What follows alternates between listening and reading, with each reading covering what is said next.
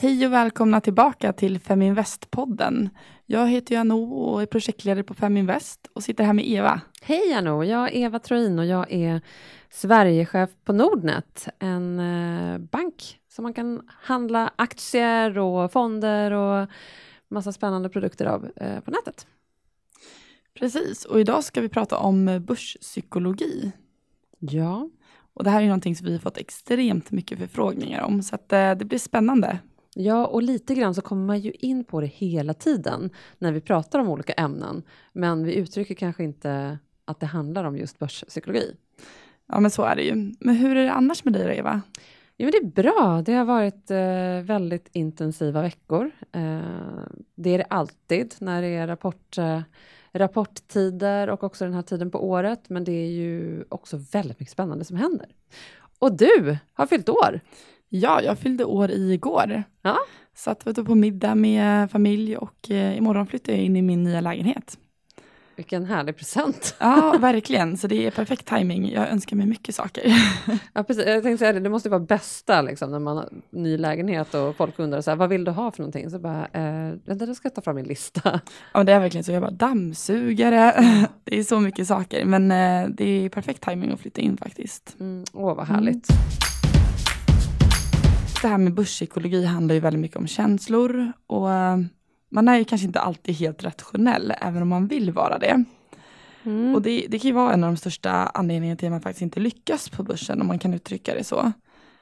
Och man hoppas ju alltid när man gör sina köp att man har gjort det rätta köpet. Ehm, och därför så måste man ju också göra beslut som bottnar just i kunskap, att man inte köper på rekommendation, man vet själv inte riktigt så mycket om aktien, utan man har hört det här på stan att Fingerprint har gått jättebra, vi köper den. Och då kan det ju vara så att man är sist på bollen. Så det, vi kan väl säga att psykologi handlar ju ganska mycket om beslut. Mm. Men hur fattar man ett bra beslut då? Ja, det här med att fatta ett bra beslut, det är ju inte så lätt alla gånger. Eh, det handlar ju väldigt mycket om att eh, försöka att inte låta känslorna ta överhand.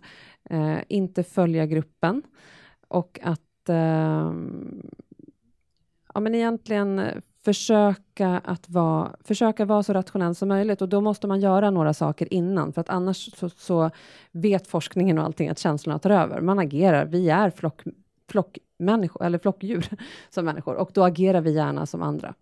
Så att eh, jag tror att vi kommer in på lite grann vad man bör tänka på när man eh, inte, om man ska försöka hålla sig på den här eh, stigen som är mer rationell. Ja, och det är ju lite så här när det kommer till investeringar att man får ju faktiskt betalt för den risk man tar. Så tar du mer risk så är det ju större sannolikhet att du får bättre avkastning. Men det är Mm. också större sannolikhet att du kan förlora mer. Så det ska man ju vara medveten om. Och marknaden är ju oftast bra på att prissätta aktier. Um, och marknaden är så kallad effektiv.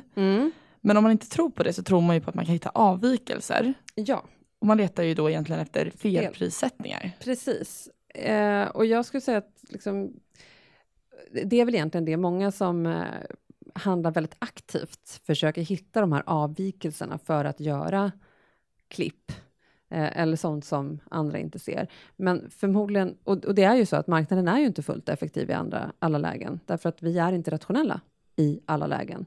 Eh, och därför så blir ju marknaden ineffektiv emellanåt och då har du möjlighet att se avvikelser som görs. Till exempel så kan ju, du var inne på Fingerprint, prata på stan lite grann, att ja, men om det då är så att en, en sån eh, aktivitet re, leder till irrationella beslut, att det är många som går in och köper den utan att ha en aning om eh, egentligen varför de köper den, utan de har bara hört att det här är en väldigt, väldigt bra aktie.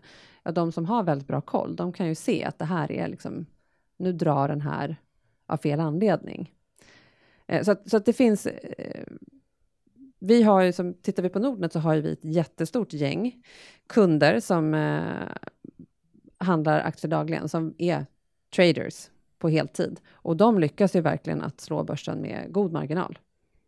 Ja, de letar efter så kallade värdeaktier. Um, och man kan väl säga att det är aktier som egentligen blivit bortglömda. Kanske inte är lika hypade som Fingerprint var Mm. under en period. Ehm, som försvinner lite bland alla andra. Ja. Men det man ska tänka på är att man är ju en känslovarelse. Japp. Jag känner också när börsen går ner eller min aktie går ner att det här kändes jobbigt, ska jag sälja? Eller kom, kommer det gå ner mer, ska jag sälja? Man sitter ju alltid i den situationen. Um, och likadant när aktien rusar. Ska jag hämta hem vinsten eller blir man girig? Vad är målet egentligen? Och där mm. tror jag är ganska viktigt att man har en tydlig plan. Mm. Um, vad, vad tänker jag med den här aktien? Hur mycket avkastning vill jag ha? Har jag sagt att jag ska sälja om det gått upp 20 procent, då kanske jag ska göra det. För det är lätt när den går upp till 24 att man tänker att fast den har ju en gång varit uppe på 30 och sen så kommer den dyka igen. Så där tycker jag det är väldigt bra om man har en plan för vad, vad är mitt mål med den aktien? Hur länge vill jag, hur mycket vill jag att den ska gå upp? Mm. Och jag tror också att eh, lite grann som du är inne på det här med, med, med flockbeteendet, att vi är också väldigt Eh, vi tänker på vårt sista köp. Precis som du varit inne på, att ja, men den här aktien har varit uppe på 30. Det kanske, den kanske kommer upp dit igen. Eh, också när vi säljer aktier så kan vi sitta och titta på dem i efterhand för att se att ja, vad skönt, den gick ner ännu mer. Och det blir, då lägger du in känslor i besluten istället för att vara helt rationell som du är inne på, att sätta eh, limiter eller gränser för var du vill befinna dig. Sen skulle jag också säga att det är klart att det skiljer sig också hur din investeringsstrategi ser ut. Om du är en kortsiktig, det vill säga en trader, eller kanske ännu bara lite mer aktiv i din portfölj, att du handlar på kortare cykler, eller om du är väldigt långsiktig. Ehm, då måste man ha olika... De olika strategierna kommer också va, liksom visa på vilken tålighet du har i aktien. Sen är det ju så att även om man tänker rationellt eller försöker vara så rationellt som möjligt så är det klart det svider om man säljer och dugg upp. Vi var inne på det här med flockbeteende mm. och eh, det ser man ju väldigt mycket på börsen. Springer andra så springer vi. Så är det ju. Ja. Och eh, vad är det man bör vara uppmärksam just när det kommer till flockbeteende? Vad är det man bör undvika och vad bör man hänga med på? Ja, men det är som sagt väldigt lätt att dra med, dras med på vad andra säger och vad media säger och och, och, och, till viss del så är det ju, liksom, det är ju en kunskapskälla i sig, så att man ska inte, inte ta del av det. Men det viktiga är ju att du läser på själv, så att du själv har en, en uh, tanke, en åsikt och en uppfattning som du kan luta tillbaka dig till. Uh, och det här gör du ju ofta kanske innan du går in och investerar i en aktie uh, och, har en, en, och lägger upp en plan för den investeringen. Men den bli, kan ju bli gammal, den informationen, så det gäller ju att hålla sig uppdaterad eh, under ja, tiden. och också tänka på att när alla börjar springa eller aktien börjar rusa, var ganska snabb på att ta reda på varför. Är det, ska man sälja ganska snabbt efter eller ska man hänga med på den här resan? Varför rusar aktien? Mm. Så att, eh, ett tips är att ta reda på varför alla springer. Ja. Och vara snabb på det. Nej, men det, det, finns ju mycket forskning just på det här. Och det, det gäller ju inte bara aktier, det, det, gäller ju just oss som människor på flockbeteendedelen. Att, att vi agerar ju.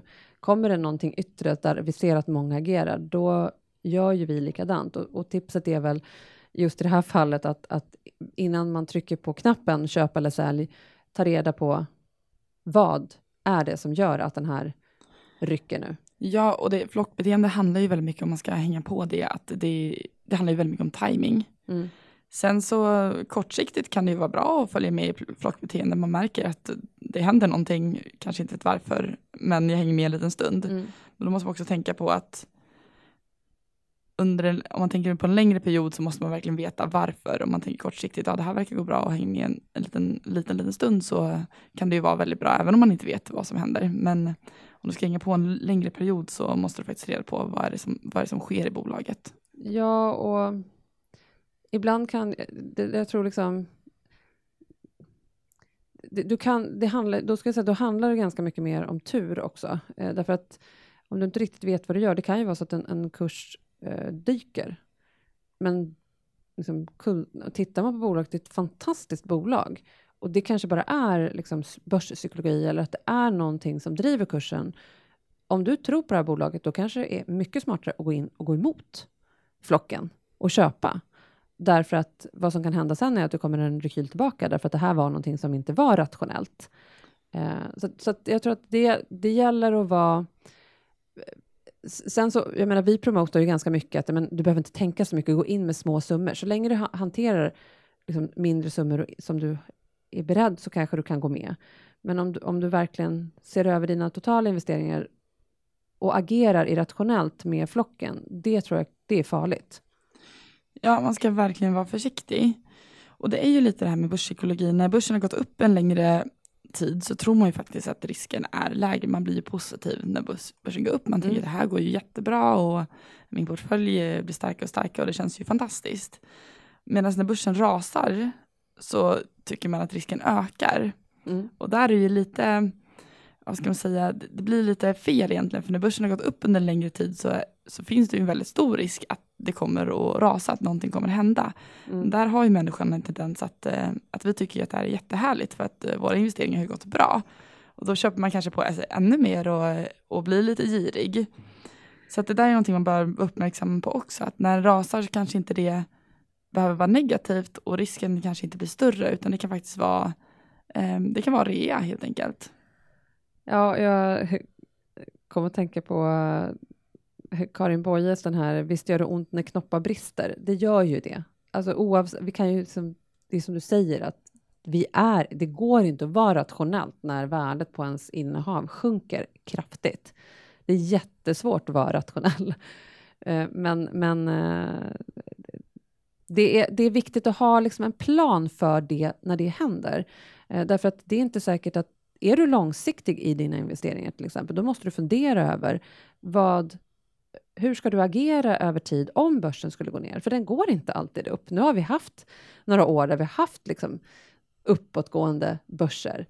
Men det gäller att liksom gå tillbaks kanske till 2008 och de här liksom kraftiga nedgångarna och fundera på hur, om jag hade ägt aktier om det hade skett nu, hur hade jag agerat då? Och sätta en plan för det, för det kommer förr eller senare.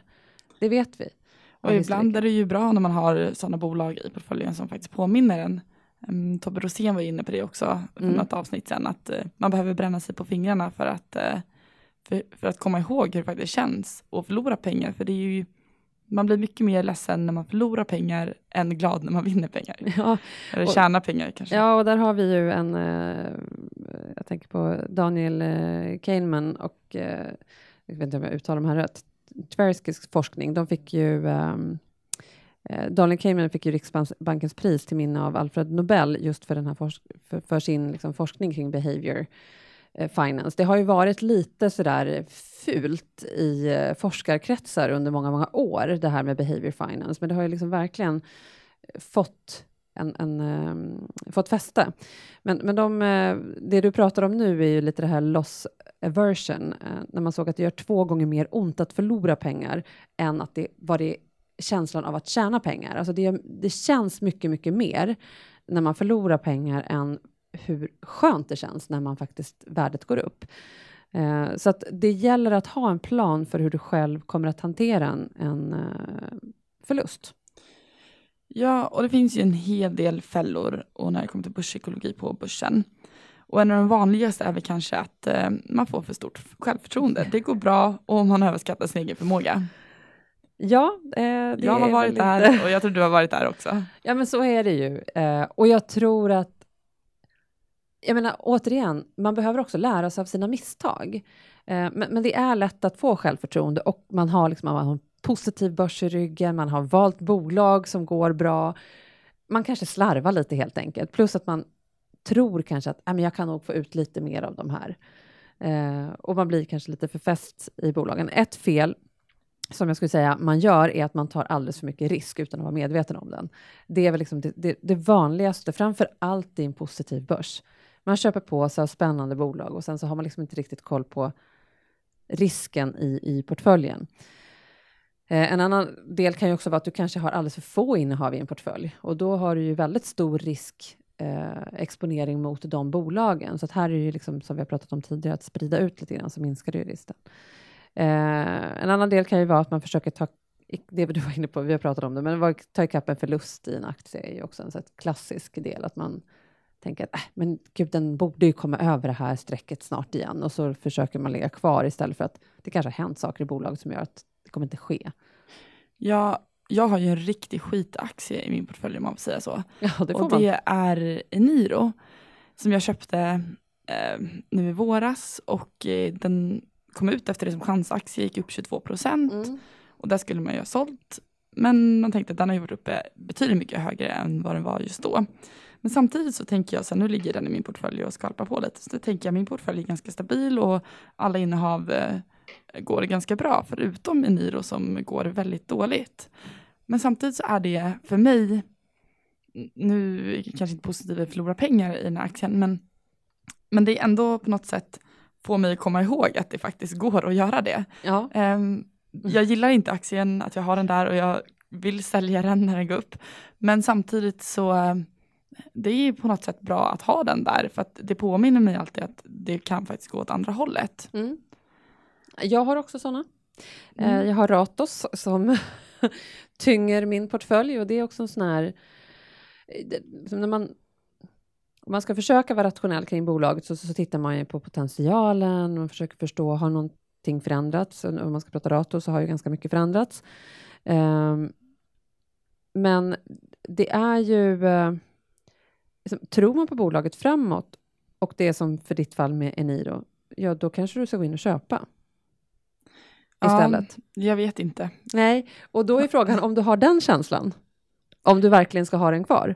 Eh, Ja, Det- det- jag det har finns ju- eh, debatter med mig själv om det här varje dag. Men nu men det, tänker men- jag så här att nu är den där och um, jag är beredd att ta den smällen.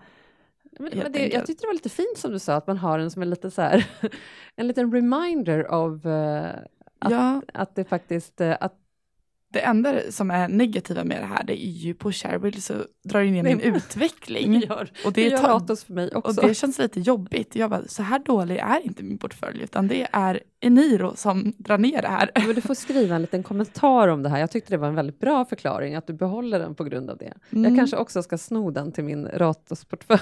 Ja, nej, den har jag inte för det går dåligt. Det här har jag bara så att det påminner mig om eh, hur det känns när det går dåligt. Ja, det är inte roligt. Man vill ju gärna ha de där tre stjärnorna på Shareville. Ja. Hur många har du? Eh, jag har pendlat mellan en och två, Ja. men eh, Eniro har, håller ner min just nu. Jag tror den är ner över 50 procent. Ja, Men så kan det gå. eh, jag har ju två stjärnor nu, men jag vill ju ha tre stjärnor, så Ja. jag får jobba på lite. Jag tror säljer man eh, Eniro så kommer det säkert gå. Vad heter du på. Shareville förresten? Feminvest. Feminvest, ja precis, såklart. Så det blir smidigt. Eva Nordnet heter jag om ni är nyfikna på min portfölj. Ja. Men när en aktie går bra, om vi ska ta oss tillbaka till ämnet Ja. här och sluta prata om våra portföljer och våra misstag. Ska man då ta hem vinsten och när ska man göra det?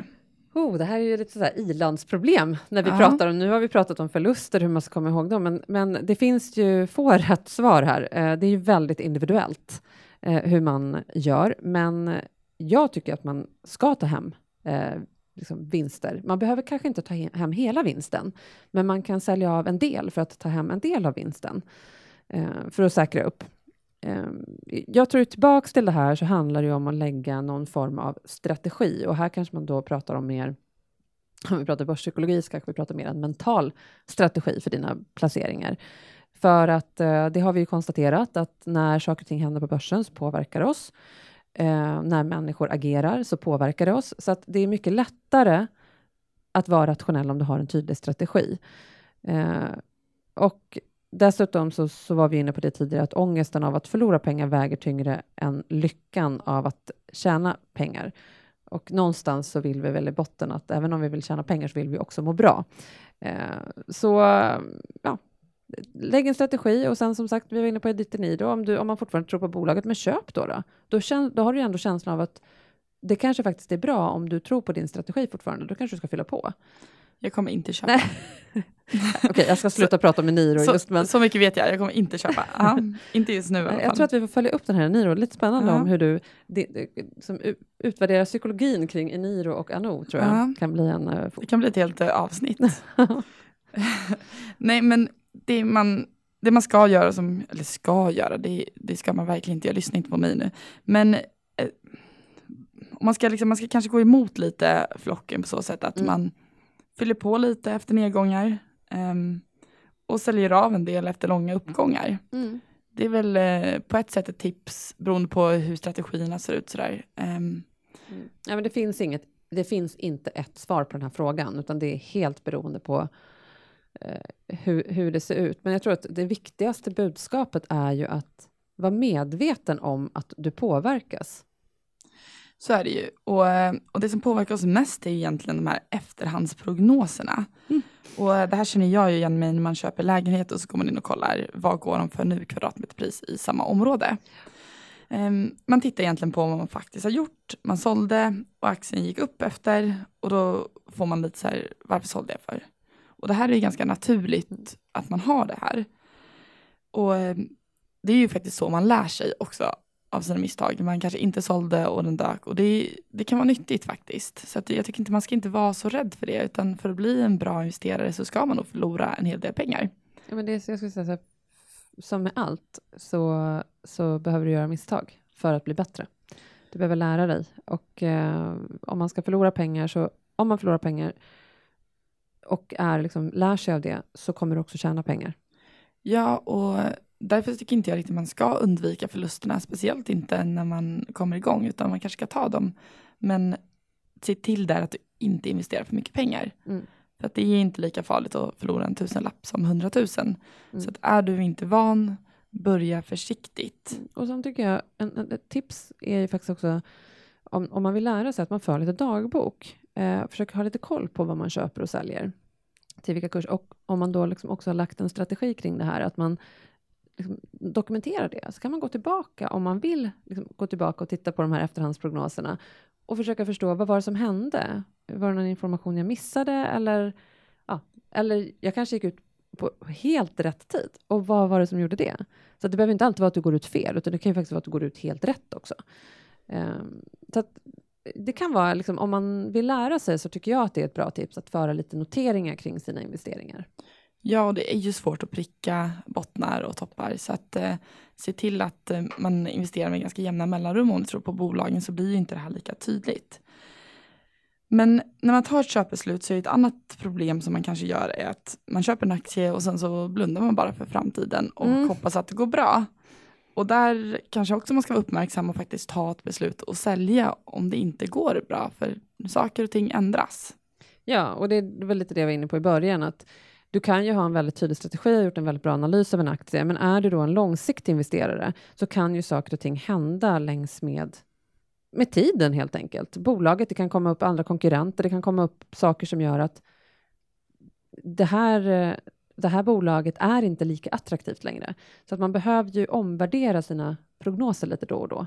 Att egentligen göra en hälsokoll på, på portföljen.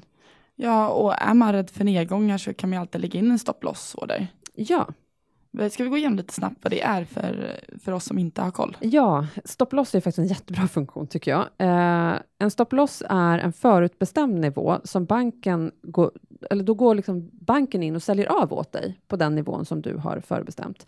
Så du bestämmer det man då kallar för en triggernivå som är liksom det utlösande priset. Och då när aktien når den här triggernivån så läggs din säljorder in på det pris som du vill sälja. Det som är bra att tänka på när man jobbar med stopploss, det är att man försöker ha lite marginal mellan triggernivån och säljnivån. Um, för du kan ju behöva ha någon som köper för att du ska kunna sälja och då är det bra att ha lite marginal så att det finns spelutrymme. Men man lägger in eh, stopplossnivån. När du lägger in en order så gör du det på samma ställe. Eh, hos oss hittar du under handla, stopploss. Eh, och då kan man då lägga in en förutbestämd nivå och då behöver du inte ligga och ha koll på det här själv för att återigen, jag kan bara titta på mig själv. Jag, kan, jag, är inte i marknaden och jag har inte koll hela tiden. Eh, och om det då händer att en aktie rusar eller dyker, då kan du vilja lägga nivåer åt båda håll utifrån den strategi du har satt, så att du triggar av en försäljning i portföljen. Precis, och um, vi var väl inne lite på våra svagheter. Min svaghet är ju att um, jag är dålig på att sälja aktier som går dåligt. Jag behåller dem uppenbarligen. Och det är ju inte kanske bra. Kanske jättebra. Vi får se vad som händer med Niro. Vad mm. har du för svagheter? Nej, men jag skulle nog säga att jag eh, jag har ju liksom några stora misstag som jag har gjort när jag gått in och handlat och eh, jag har ett, Gaming Corps är ett bolag som jag gick in i eh, i nyemission och sen så gick den superbra och då tänkte jag så här, nej nu har jag nått min nivå, nu borde jag sälja. Och så gjorde jag inte det och nu har den liksom den är i grottan. Så det är en sån här...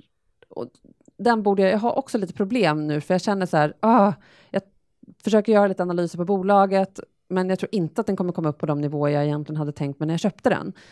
Men jag tror ju då att den ska gå upp lite grann nu i varje fall. Men jag har lite svårt när de dyker där att verkligen göra mig av med dem. Eh, så att, eh, och där börjar jag faktiskt jobba lite mer med stopp loss-funktionen, att försöka lägga in det direkt från början. Det är ett väldigt, väldigt bra verktyg. Ja, eh, men, men jag borde nog faktiskt använda det mer själv också. Eh, Mm. Ja, men jag med. Det är, men det är bra också att höra att eh, ingen är perfekt och man gör ju sina misstag. Hur, eh, om vi ska summera, hur ska man hantera psykologin här kring investeringar? Ja, alltså jag tror vi har sagt det, men jag tror verkligen att planera och göra en strategi och identifiera vilka nivåer som triggar en försäljning, alternativt det kan också vara att du kanske ska ha liksom en, en liten påminnelse i din kalender att nu behöver jag gå igenom min, nu behöver jag göra en hälsokoll på min portfölj för att se om de här triggernivåerna stämmer eller om jag behöver ändra dem, men på köp och sälj. Eh, för vi vet ju att, eh, det har vi ju gått igenom hela det här programmet, det är ju känslor. Och det styr ju dig och mig också, och känslorna styr ju eh, våra investeringar. Jag tycker kom ihåg att alla brottas med det här. Ja. Hur duktig du än är så är det här någonting som ligger där. Ja. Då välkomnar vi hit dagens gäst som heter Malou Ekman och är mäklare på Eklund Stockholm, New York. Välkommen hit! Tack snälla, tack. Kan du inte berätta lite kort om dig själv? Jag heter Malou, jag jobbar på Eklund, Stockholm, New York. Eh, vi säljer eh, bostäder i Stockholm framför allt. Eh, exklusiva bostäder är väl vårt fokus. Jag har jobbat där i två år. Eh, jag kommer tidigare från, har jobbat både som mäklare men också kommersiellt och jobbat i vårt eget familjeföretag som också håller på med fastigheter. Så väldigt mycket fastigheter. Lång erfarenhet. Ehm, hur länge har du arbetat som mäklare totalt? Jag började som mäklare 2007 eh, på Erik Olsson och var där i tre år. Jättebra skola och jätteinspirerande på alla sätt. Då har du varit med i några år. Mm. Ehm, hur har utvecklingen sett ut under de senaste åren? Alltså om man ska gå från, från just den tiden när jag, liksom, eh, när jag kom in i marknaden så kan man väl säga att eh, tittar man på utbudskurvan och egentligen den prisutveckling vi har haft sen just eh, 2007-2008 eh, så eh, kan man se en ganska kraftig liksom, nedgång i utbudskurvan från 2008 och framåt. Eh, det hänger ihop ganska mycket med att man vid det året fattade beslut om att ändra uppskovsreglerna och begränsa dem. Eh, och det fick som följd att det blev en, en mindre rörlighet på marknaden helt enkelt. Uh, så, att, uh, så det vill jag, och sen har vi, vi har liksom ett, eh, vi, vi har ju naturligtvis efterfrågan och utbudssituation där, där utbudet kraftigt understiger efterfrågan. helt klart. och det nu i kombination med den ränteutveckling vi har haft har ju gjort att prisbilden har stigit kraftigt under de här åren. Ja, det har ju nästan varit den bästa investeringen att köpa en bostad egentligen. Då har man kunnat eh, strunta i börsen. Mm, mm. Men du säljer även en del under hand. Mm, mm. Och det är lite nyfiken på, hur fungerar det? Ja, eh, alltså ganska många gånger så, det, är lite, det kan vara olika eh, situationer, men det kanske det vanligaste egentligen det är väl att man, jag säljer en, en lägenhet så eh, får jag efter det förfrågan på, liksom, från säljare som har liknande objekt. Och det kan vara allt ifrån att de inte vill vara ute på öppna marknaden till att de kanske går lite grann och funderar och så här, inte är helt liksom klara. Eh, och så säger de så här, vi har någonting liknande eh, och så ses vi för ett möte och så tittar jag på den så jag vet vad det är liksom, de utgår ifrån och vad de har och sådär. Och jag får en bild av deras situation. Och sen kan det vara så att det dyker upp eh, kunder, liksom, jag, jag säljer mycket tvåor, treor och fyror framför allt, liksom, Östermalm, Vasastan. Så att jag har ju ganska mycket så här, återkommande liksom, liknande objekt och även naturligtvis återkommande kunder framför allt som inte har liksom, hittat någonting. Eh, och då kan det vara så att, eh, att, man, att jag kanske har en budgivare nummer två till exempel i en process som då har förlorat och som är så här supersugen på någonting liknande. Eh, och då kontaktar jag den här säljaren som har liksom någonting under hand. De är liksom inte ute. Eh, utan de är sådär, det finns men det är liksom, de är inte helt, helt eh, de är inte ute och marknadsför sig. Och sen så kan man visa och så kan det bli affär på det sättet. Vi kan också marknadsföra underhand på vår hemsida. Eh, och det är liksom en process. Då gör man kanske något lite mindre marknadsföring. Eh, med någon, någon bild och någon text och liksom så går ut i vårt nätverk. Och det är ett stort nätverk så man når ut ganska fint på det också. Utan att behöva känna att man lägger ut det liksom på det stora nätet. Liksom. Verkligen spännande. Mm. Men har Sverige blivit lite mer internationellt? Jag tänker, Som i USA till exempel så anlitar man ganska ofta mäklare för att köpa lägenhet också. Mm. Hur ser utvecklingen ut där? Alltså, mig veterligen har vi ingen eh, sån, sån liksom tjänst som du kan anlita för. Eh, jag och jag tror många med mig eh, jobbar eh, liksom åt båda hållen. När jag träffar en säljare så brukar jag alltid säga det också, oavsett om är säljare eller köper först så hjälper jag gärna i den andra änden av processen också. Som rådgivande, liksom, skicka länkar. Jag tycker att det är jätte, jättekul. Dessutom får du ju liksom ännu mer kontakt med, liksom, med din säljare och får en, en bättre relation tycker jag. Eh, och vara behjälplig i den processen också. Då står man lite grann på andra sidan, hur är man taktisk i en budgivning, vad ska man tänka på, hur ser det ut med föreningens ekonomi? Och många sådana frågor som för oss är helt självklara, men för gemene man kanske det ändå kan finnas en del frågetecken och vad skönt att ha det istället. Ja, eh, amorteringskraven har ju varit en väldigt uppmärksammad fråga senaste tiden. Hur har egentligen amorteringskraven påverkat marknaden? Eh, alltså man kan säga så här, så fort du får en förändring i marknaden, eller det händer någonting som påverkar marknaden, eh, som ett amorteringskrav, det kan vara ett val till exempel, politiskt val, eh, det kan vara en räntehöjning eller sänkning, eh, alla typer av liksom, förändringar innebär en viss försiktighet under den perioden liksom, eh, som det är. För man, marknaden vill ofta se vad det blir för effekt. Vad blir effekten av de här sakerna? Eh, eller vad får liksom de besluten för, för följd?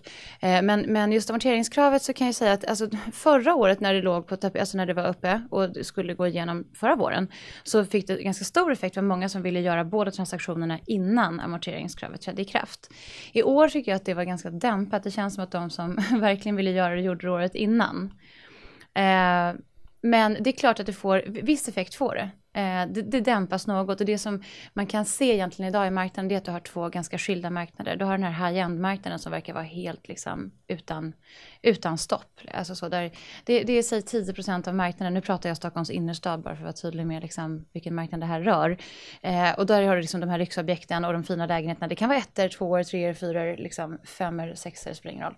Eller eh, villor i Stockholms kranskommuner eh, som, som liksom har, som har allt. De har en de har ju en kundgrupp också som är beredda att betala för det. Men jag skulle säga att större delen av marknaden har ju liksom sina pros and cons såklart. Eh, och, och, som vilket boende som helst. Liksom. Och de har påverkats mer. Så att, och där kan det vara ganska trögt till och med. Eh, så att, eh, och sen är det naturligtvis den mest utsatta gruppen och det är ju studenterna. De som ska flytta hemifrån eller man är nyexad till exempel. Att få lån liksom, idag är ju jätte, jättetufft för den gruppen. Så där, där är det ju, det är helt klart en utmaning. Jag är glad att jag inte är 19 och ska flytta hemifrån. Ja, nej, det, det gynnar ju inte dem kan nej, man säga. Nej, inte alls. Um, men det är ju också, vi märker väldigt mycket det här på börsen också när det kommer till osäkerhet i valen att det, äger, man blir mer passiv så Mm. fort man inte vet vad resultatet faktiskt ska bli. Man ser det väldigt tydligt med USA-valet nu som kommer här. Ja, ni gör det. Ja. Um, men kan man se några säsongsmönster? Finns det perioder som man egentligen bör slå till? Eh, alltså det beror helt på vad du säljer och vad du köper. Alltså var, var du, vem du är. Är du säljare? Är du köpare? Ska du köpa hus? Ska du köpa etta? Alltså så. Eh, om man ska ta lite generellt. Eh, lugnare månader på året brukar vara november eh, att sälja. Så det brukar jag inte rekommendera. Står man sådär att man liksom eh, inte måste sälja precis just då. Eh, så, så brukar jag säga att det är väl kanske en månad jag, jag själv inte skulle liksom gå ut. Eh, även i maj, då tänker man så här, ah, men då är det ju grönt och fint och balkongerna är lite blommiga och innergårdarna är blommiga och så vidare. Det är bara att det tänker väldigt många. Och så har vi svenskar inte sett sol på typ sex månader, så vi är rätt nöjda med att komma ut i, liksom, i eh, parkerna och liksom ut utomhus. Och folk är inte alls lika intresserade av att gå på visning. Så maj är faktiskt en ganska tuff månad på det sättet. Däremot om du tittar på villa till exempel så är det ju, de, de har ju absolut sin prime time från liksom vårkanten och sen så under hösten, liksom tidig höst sådär. Um, och sen så små ettor och tvåor, så det, det här lite, så de går allra bäst i terminstart, augusti, januari. För då byter man skola, man byter jobb, det är en naturlig rörlighet liksom. Det är många som söker den typen av bostäder. Man går inte ut med en familjevåning första veckan i januari, de har liksom haft fullt upp med sitt julstök. Så det är jätteolika beroende på var man kommer ifrån liksom, och vad man söker och så. Vi varit inne på det lite tidigare i podden. Man kan ju köpa en bostad för att man behöver någonstans att bo eller man kan köpa det som en investering. Mm. Om man nu ska köpa det som en investering, vad, vad bör man tänka på då? Eh, ja, alltså precis. Om man bara ska köpa det som en ren investering. Eh, jag skulle titta jättemycket på läge och förening. Läget är liksom det enda du inte kan förändra. Du kan förändra ganska mycket in, i- liksom in i ett boende. Nu igen utgår jag egentligen från liksom lägenheten, men det är väl applicerbart på det mesta, skulle jag tro. Men att eh, alltså utgå från ett, ett attraktivt läge. Eh, en, en attraktiv förening, en förening med låg belåning som har bra koll på sin ekonomi och de har gjort kanske de större renoveringarna. Gärna att du har lite intäkter från kanske någon lokal eller garageplats eller vad det nu kan vara för någonting. Eh, det tycker jag är en, en bra investering. Ett och två år är alltid bra investeringar. Det är liksom, de har bra rörlighet på dem och det, det, det finns en stor efterfrågan. Företag, om du inte vill bo i dem så kan du hyra ut etc. Så det, det, det tycker jag är de primära Ja, vi var inne lite här på räntan också, att eh, mm. just nu så gynnar ju det fastighetsmarknaden. Mm. Ehm, eftersom räntan är väldigt låg så klarar man ju av de här lite större lånen. Mm. Hur ser ni på räntan framöver och vad tror ni kommer hända om räntan går upp? Tror ni att det kommer påverka marknaden? Eh, ja, absolut. Eh, nu så tror jag, alltså, som det ser ut om man tittar på den ränteutveckling och, och, som, som vi har framför oss, eh, eller de prognoser vi har framför oss, så är den ju ganska långsamt uppåtgående, än så länge inte alls lämnades orörd nu senast eh, i veckan här. Och eh, jag tror att liksom, bankerna tar ju höjd eh, för sina kunder liksom för att, inte, att man inte ska hamna i det läget och räkna på ganska höga räntor. De eh, ser väl inte i, i liksom närtid på något sätt. Liksom. Men att den börjar krypa uppåt under, en, under de kommande åren. Jag tror att det är inte i år, kanske inte heller nästa. Alltså, eh, men att gå från en minusränta vore väl eh, liksom, egentligen sunt på alla sätt. Att vi sitter i det läge där vi gör är ju egentligen eh, kanske inte helt sunt i ärlighetens namn. Eh, men, och självklart får det en, en, effekt på prisbilden, men det beror ju på hur mycket det liksom sker, eh, hur mycket det höjs. Så jag tror att vi har ingen liksom, kraftig uppgång att vänta, utan kanske liksom, en, en, en mindre uppgång att vänta. Eh, det tror jag. Men vi har ju en hel generation som har levt med liksom, de här extremt låga räntorna som tror att det är ett liksom, normalläge, och det är det ju faktiskt inte. Nej, det, det är inte det och det är Nej. lätt att glömma bort. Ja. Om, om, vi pratar lite om bostadsbubblan, mm tror vi att det kommer ske? Hur ser ni på det här? Och jag tror det är jätteolika. Eh, jag tror inte att vi har en bostadsbubbla att vänta. Eh, av den liksom enkla anledningen att vi bygger alldeles för lite och vi har en, liksom en liksom, jättestor efterfrågan och liksom ett alldeles för litet utbud.